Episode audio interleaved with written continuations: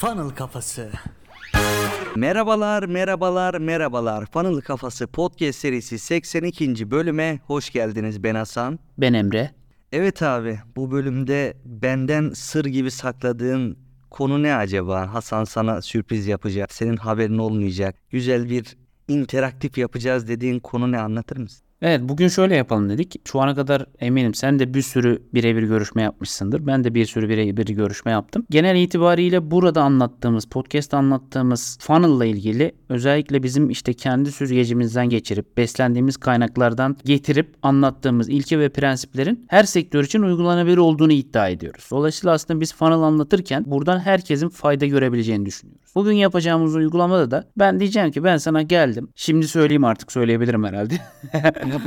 ben sana geldim. Bir mimarlık ofisi sahibiyim. Mimarlık ofisim var. İşte müşteri bulmaya çalışıyorum. Şimdi burada nasıl düşünmem lazım? Ne yapacağımı bilmiyorum. Ofisi açtık ama müşteri getiremiyoruz buraya tamam mı? Sen bana sorular sorup meseleyi ilerletebilirsin ya da ilerleyebiliriz ama ben şunu öğrenmek istiyorum. Bir mimarlık ofisi sahibi olarak ben ne yapabilirim yani funnel'ı kendi işim için nasıl kullanabilirim, nasıl düşünmeliyim bunu öğrenmek istiyorum. Hasan Bey sizden danışmanlık almaya geldim. Lütfen benden bilgilerinizi esirgemeyin. Ya kusura bakmayın biz mimarlık ofislerine danışmanlık veriyoruz.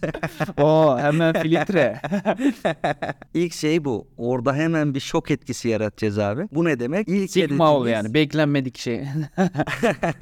Öyle bir anlam. Yani aslında bu soru kuvvetli bir soruydu. Ben mesela dedim ki biz mimarlık ofislerine danışmanlık vermiyoruz. Sen ne yapıyorsun? Öncelikle bunu yapması lazım. Yani bizim son zamanlarda sıklıkla bahsettiğimiz şey ne? Konumlandırma. Yapması lazım falan deme. Hasan Bey benle konuşun.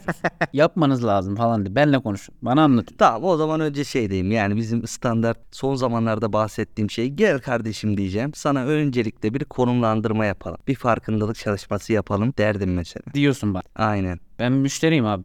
Ne demek konumlandırma ne demek yani? Konumlandırma çalışması ne? Yani ben mimarım işte herkese hani bütün gelen projeleri alıyorum. Nasıl konumlandırma çalışması yapabilirim? Bu arada isminiz neydi? Emre. Emre Bey. Şimdi öncelikle siz kime hitap ediyorsunuz bunu öğrenmem lazım. Kimden başlayalım? Kime hitap ediyorsunuz? Ben şu anda işte herkes yani yeni açtık sonuçta ofisi. Para kazanmamız lazım. Ve Hı. bilmiyorum ben yani bize gelen her müşteriyle çalışıyoruz yani. Bize gelen müşteriyi geri çevirme gibi bir durumumuz yok. Peki herkesle çalıştığınıza göre bu insanlar neden sizi tercih etsin? Ne gibi bir farkınız var? Yani bilmiyorum herhangi bir farkımız yok. Sonuçta Tamam, süper. proje yapıyor. Herhangi bir farkımız yoksa o zaman şu an ne yapacağız? Farkımızı bulmamız lazım. Mesela siz üniversite yıllarınızda veya yaptığınız projelerde en çok neyi yapmaktan keyif alıyorsunuz? Mesela ben en çok mutfak çalışmaktan keyif alıyorum. Salon çalışmaktan keyif alıyorum. Veya bir restoran yapmaktan keyif alıyorum. Buna benzer şeyler diyebiliyor musunuz? Yani e, aslında son zamanlarda bir tane proje yaptık. Bir kafe projesi gibi. Yani ekip, ekipçe keyif aldığımız söylenebilir. Yani Tamam. öyle diyebilirim. O zaman sizi restoranlar için bir konumlandırma yapsak, sadece restoranlar özelinde çalışma fikri nasıl geliyor size? Evet olabilir. Zıt burada bir araya giriyorum. Şimdi mesela evet Hasan ne dedi ben sordum. İşte dedi ki o da hemen hani konumlandırma ile ilgili yani ben nerede pozisyon almalıyım nasıl farklılaşabilirim anlattı. Biz bu onu daha önce neden nasıl bahsetmiştik?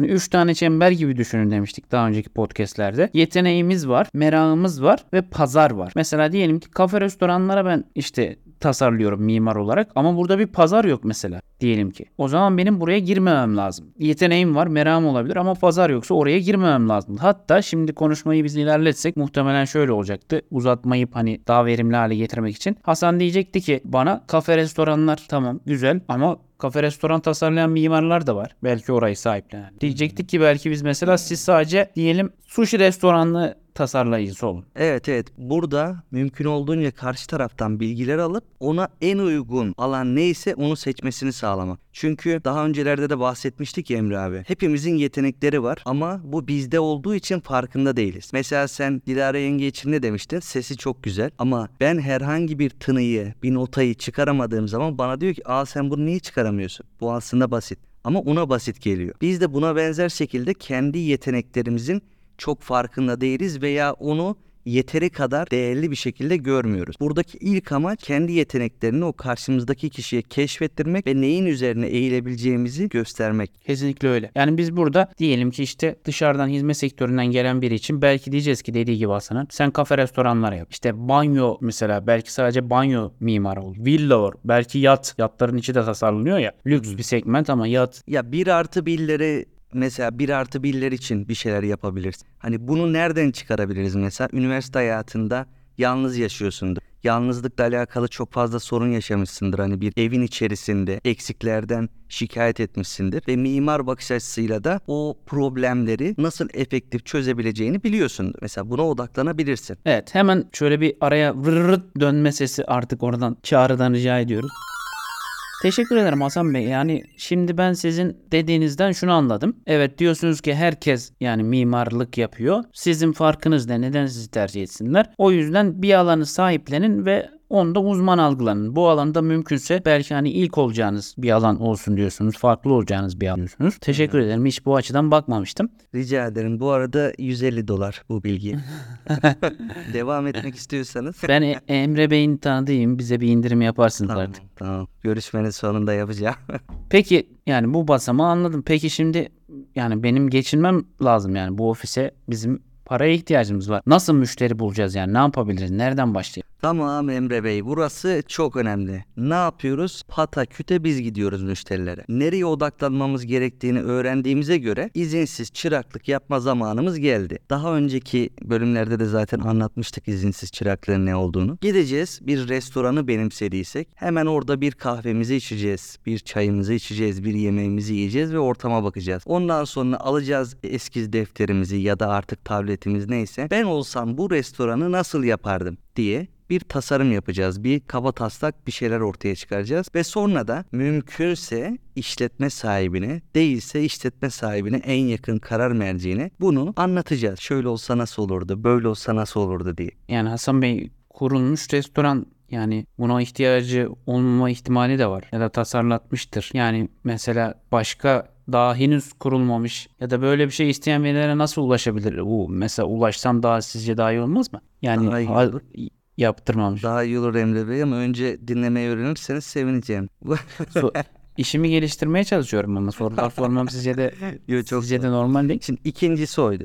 İlkinde atlanılan bir nokta var. Evet, restorana bir harcama yapılmış olabilir. Şimdi restoran yapılmamış halde büyük bir masraf olacağı için o masrafı yani o meblağı verebilmesi için sana güvenmesi lazım bu insanın. Çok büyük ihtimalle referanslar isteyecek veya tanıdıklarının referanslarıyla yola çıkacak. Ama hala hazırda kurulmuş olan bir restorana, orayı anlatacak lafımı kesmeseydiniz Emre Bey. Hala hazırda kurulmuş olan bir restorana onun satışlarını arttırabilecek, daha fazla müşterinin gelmesini sağlayacak bir tasarım, bir yapı inşa edersek o insanın alma ihtimali çok daha yüksek. Hani burada hızlı para kazandırmaya çalışıyorum. Evet. Emre Bey değil de Emre olarak konuşuyorum. bu, bu bu bu görüşte bir başka bir podcast'te ismimi değiştireceğim. Müşteri ismini başka bir şey yapacağım. Ben ben bu kısımda e, hani bunun işe yarayabileceğini düşünüyorum restoranlara gitmenin ama şu buna şöyle bir şey ekleyebilirdim yani ilk ilave olarak. Ben şöyle bir şey yapardım. Restoran ne bileyim franchise hizmeti olan bir yer olabilir tamam mı? Restoranlara belki taşeronluk yapan e, yerler olabilir. Tamam mı? Bu tarz böyle daha işler gelmeden bize verebilecek yani bana bir çevre oluşturabilecek şeylere de yatırım yapardım. Dediğim gibi işte franchise firmaları olabilir. Ne bileyim işte Evet, evet. restoranlara hizmet veren malzeme satan firmalar olabilir. Şimdi bunların hepsi hepsi bir opsiyon Emre abi. Yani benim ilk anlattığım şey hiçbir silahın yok. İlk ne yapabilir? Gidip hala hazırda işleyen bir düzene cüzi miktarlarda değişiklikler sunabilir. Sonrasında dediğin gibi bunu yapan müteahhitler olur. Ondan sonra bunu yapan farklı mimarlık ofisleri olur. Onlarla işbirliği yapabilirsin ya da franchise yapabilir. Ya da en basitinden eşe dosta haber salarsın. Kim restoran açacak? Kim yeni bir mekan açma derdinde?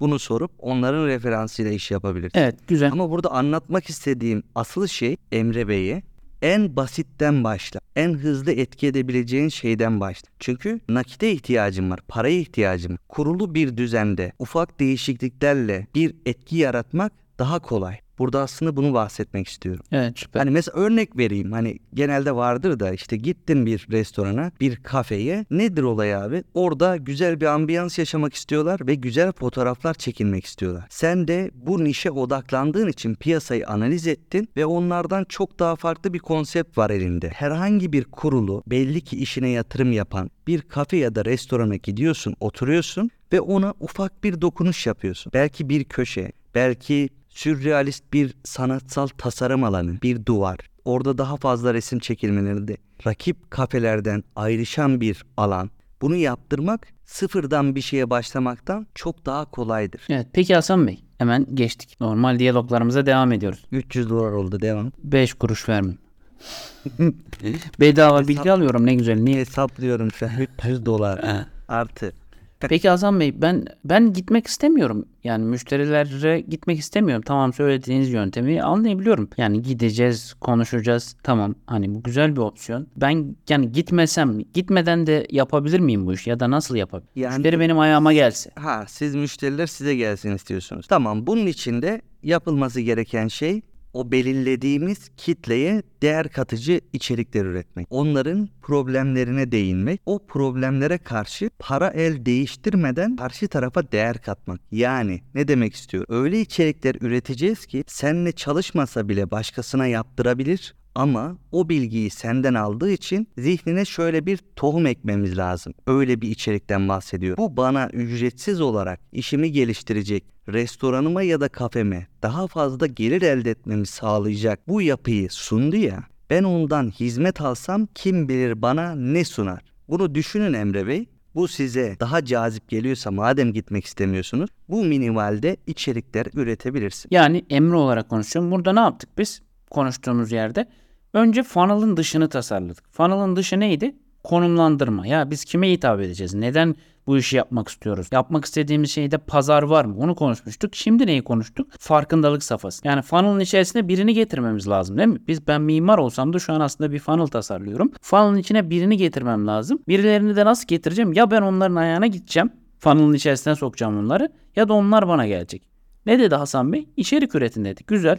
Yani spesifik kendimi konumlandırdığım alanda işte kafe restoran mimarı dedim mesela kendime. Bu alanda mesela içerik üretmeye başlıyorum. Belki var olan kafe restoranları değerlendiriyorum. Onların tasarımları üzerinden gidiyorum. Belki onların yaptığı hatalar üzerinden gidiyorum. Belki işte iyi bir kafe restoran tasarımının nasıl olması gerektiğinden bahsediyorum. Reels içerik üretiyorum. Instagram'da yer alıyorum falan filan. Bu sayede görünür oluyorum ve bilinirliğimi arttırıyorum. Ne yapıyorum? Farkındalık oluşturuyorum. Hasan Bey hemen dönelim Emre Bey. Hasan Bey sizi gayet iyi anladım. Kendimi konumlandırdım ve işte müşteriye gidebilirim onu söylediniz. Ya da müşteri bana gelir gelmesini istiyorsam da içerik üretmem lazım. Spesifik nişte alanda. Peki diyelim ki geldi müşteri. Bizim sektördeki en büyük problem şu. Yani herkesin fiyatlandırması var ama ben çıkıyorum mesela piyasaya çıktım. Ben 20 bin diyorum bir işe bir işe 5000 TL diyen de var. Böyle rekabetin olduğu fiyatlandırmaların böyle konuşulduğu bir yerde ne yapacağım ben? Nasıl yapmalıyım yani? Nasıl müşteriye nasıl fiyat vereceğimi hiç bilmiyorum. Evet böyle bir noktada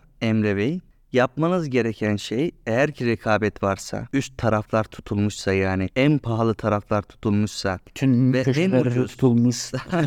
en ucuz yerlerde tutulmuşsa fiyata değil değere yönelik adımlar atılması lazım. Mesela örnek verelim. Bize bir firma geldi işte ya diğerleri 5 bin lira diyor sen 20 bin lira diyorsun. Neden? Burada yapılması gereken şey sonucu göstermek. Şimdi biz artık daha niş bir alandayız ya. Sonuç odaklıyız. Yani direkt restoran ya da kafe sahibinin ekonomisine katkı sağlayacak bir noktadan bahsedeceğiz. Evet 5000 liraya yaptırdığınız bir işte de güzel bir ambiyans yakalayabilirsiniz. Ama benim 20 bin liraya yaptığım bu işte şunları yaptığımızda şöyle bir katkı sağlanacak. Bunları yaptığımızda müşteriler şuradan çok memnun olacaklar. Üzerine gidip şurada yemek de yiyecek. Kafe alanındaki bu memnuniyet alanı şurada da dikkatlerini çekecek ve orada da bunu sağlayacak gibi aslında realize ediyoruz durumu. Hani danışmanlıkta biz hep ne diyoruz? Potansiyel müşteri 5 birim para kazanıyor. Biz içeriye giriyoruz. Onu 20 birim yapıyoruz. Ne oldu? 15 birim para kazandı değil mi? Ve diyoruz ki seni 5'ten 20'ye çıkardık. Gösteriyoruz olayı. 5'ini biz alırız. Sen 5 kazanıyorken 10 kazanırsın. Ve potansiyel müşteri ne diyor? Tamam süper bu. Ben 2 katına çıktı benim gelirlerim. Teşekkür ediyorum Hasan Bey. Şimdi Emre olarak konuşuyorum. Yani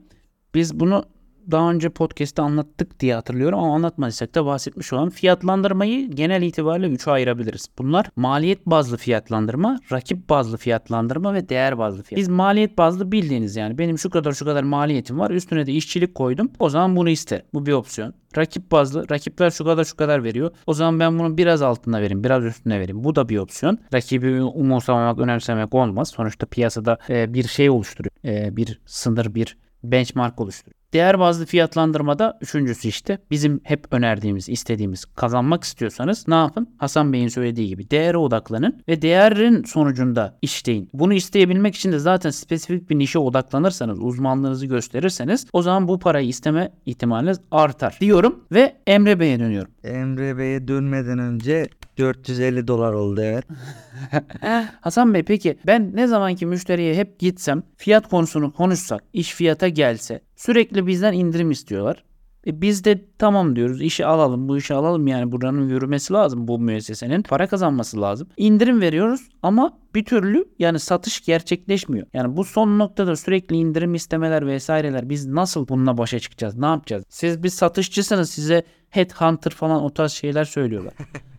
Şimdi şöyle Emre Bey mesela ben size 450 dolarlık bir fatura çıkardım şimdi değil mi? Siz benden indirim istediniz. Mesela indirim isteyin benden şimdi. Hasan Bey 450 dolar lütfen yani danışmanlık bedeli sonuçta ben de gideceğim buradan yani kendi işimle ilgili yatırımlar yapacağım lütfen. Emre Bey falan kafasında değerli birisi bir- sizin ortağınız. Yok ben çok sevmiyorum kendisini. O da bizim tanıdığımız. o da bizim tanıdığımız olduğu için lütfen biraz yani bir şeyler yapın yani bir hatırımız yok mu? Tamam ne yapmamı istiyorsanız ne olsa mutlu olurum. Yani işte bilmiyorum yani yapın yani biz de sonuçta siz de bize anlarsınız siz de hizmet veriyorsunuz yani. Tamam 300 300 dolar. Teşekkür ederim. Şimdi ne oldu? Emre Bey aslında içten içe saygısını kaybetti ve içten içe bir de ne dedi biliyor musunuz? Ulan acaba 250 olur muydu? Değeri ben küçülttüm yaptığım için. Şimdi indirim yapma aslında problemli bir davranış. Neden? Biz karşımızdaki kişiye bir indirim yaptığımız zaman saygısında azalmalar meydana geliyor. Bize şimdi saygı duyması lazım. Hele bir de mimarsın. Senin fikrinle burada iş yapılacak. Azalma meydana geliyor ve seni artık ikinci ya da üçüncü pozisyona artıyor. Ama burada yapılması gereken şey fiyatta taviz vermeden ödeme kolaylığı sağlamak. Nasıl? Ne yapabilirsiniz Emre Bey? Atıyorum 10 birim teklif edecek. Şöyle diyebiliriz. İşte bu projenin tamamlanması 3 ay. 3 ay ise bu projenin tamamlanması ilk ay Evet. 7,5 birim, ikinci ay 10 birim, proje tamamlandığı zaman da 12,5 birim verirsiniz. Bu sayede hem siz mutlu olursunuz hem de ben fiyat indirim yapmış olmam.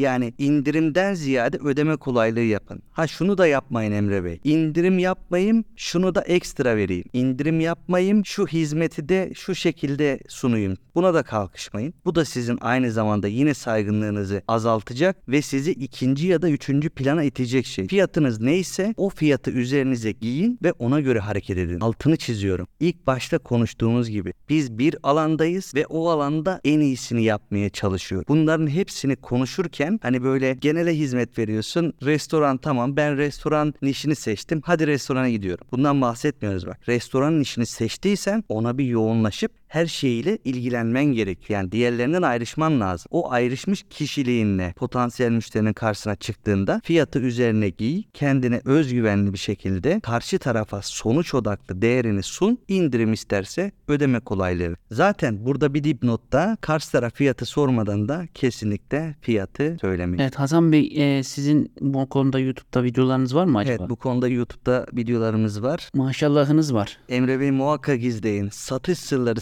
serisini izleyin. Neden satamıyorum serisini izleyin. Potansiyel müşteriyle görüşmelerde yapılan 7 hata. Bunları izleyin. Bunlar size faydalı olacak. Süper. O zaman güzel bir sizin için piyes sergiledik. Bence çok faydalı oldu. Bunların devamını yapacağız. Hasan'ın müşteri benim e, danışan olduğumuz versiyonlarını falan deneriz. Ne yaptık? Funnel'ın en öncesini tasarladık. Deneyelim Emre abi deneyelim. Öyle teoriden konuşmak kolay. Evet senin nasıl kitlendiğini gördük.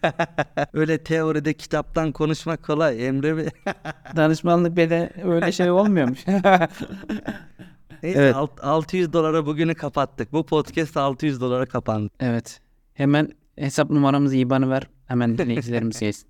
Ne yaptık? Funnel'ın öncesini tasarladık. Bir, konumlandırma olmazsa olmaz abi. Hizmet işi veriyorsun, ürün satıyorsun hiçbir şey fark etmez. Konumlandırma şart. Kendini insanlar tarafından fark edilebilir, farklı olduğun bir alanı, bir kelimeyi, bir kavramı sahiplendiğin bir yere konumlandıracak ve orada uzman algılanacaksın. Geçtik. 2. Funnel'ı tasarlıyoruz. Farkındalık safhası. Nasıl müşteri getireceğim? Ya ben gideceğim ya onlar geldi. Gideceksem gideyim nokta atışı en hızlı nakite dönüştürebileceğim potansiyel müşterilerle görüşeyim, etkileşime geçeyim. Hasan Bey çok güzel anlattı. Değer sunarak işi e, sonuca götürmeye çalışın. Gelmelerini istiyorsam içerik üreteyim bana gelsinler. Geldiler etkileşime geçtik. Fiyat verdik. İşte belki projeden ufak çizimler yaptık. Demo bir çizim yaptık gösterdik. Maliyet bazlı fiyatlandırmayım. Rakit bazlı fiya- fiyatlandırma kullanmayayım. Değer bazlı fiyatlandırma kullanayım. Bu sayede ne yapayım aslında? İşimi karlı ve sürdürülebilir hale getireyim. Yaşa çok güzel özetledin Emre abi. O zaman burada podcast'imizi sonlandıralım. Eğer bana ulaşmak isterseniz Instagram ve Twitter'dan Hasan İkine ile Bolukbas ulaşabilirsiniz. Sorularınız varsa sorabilirsiniz. Bana da özellikle Twitter'dan ben Emre Doğaner yazarak ulaşabilirsin. Eğitimlerimizden ve size değer katacak içeriklerden haberdar olmak için de funnelkafası.com adresini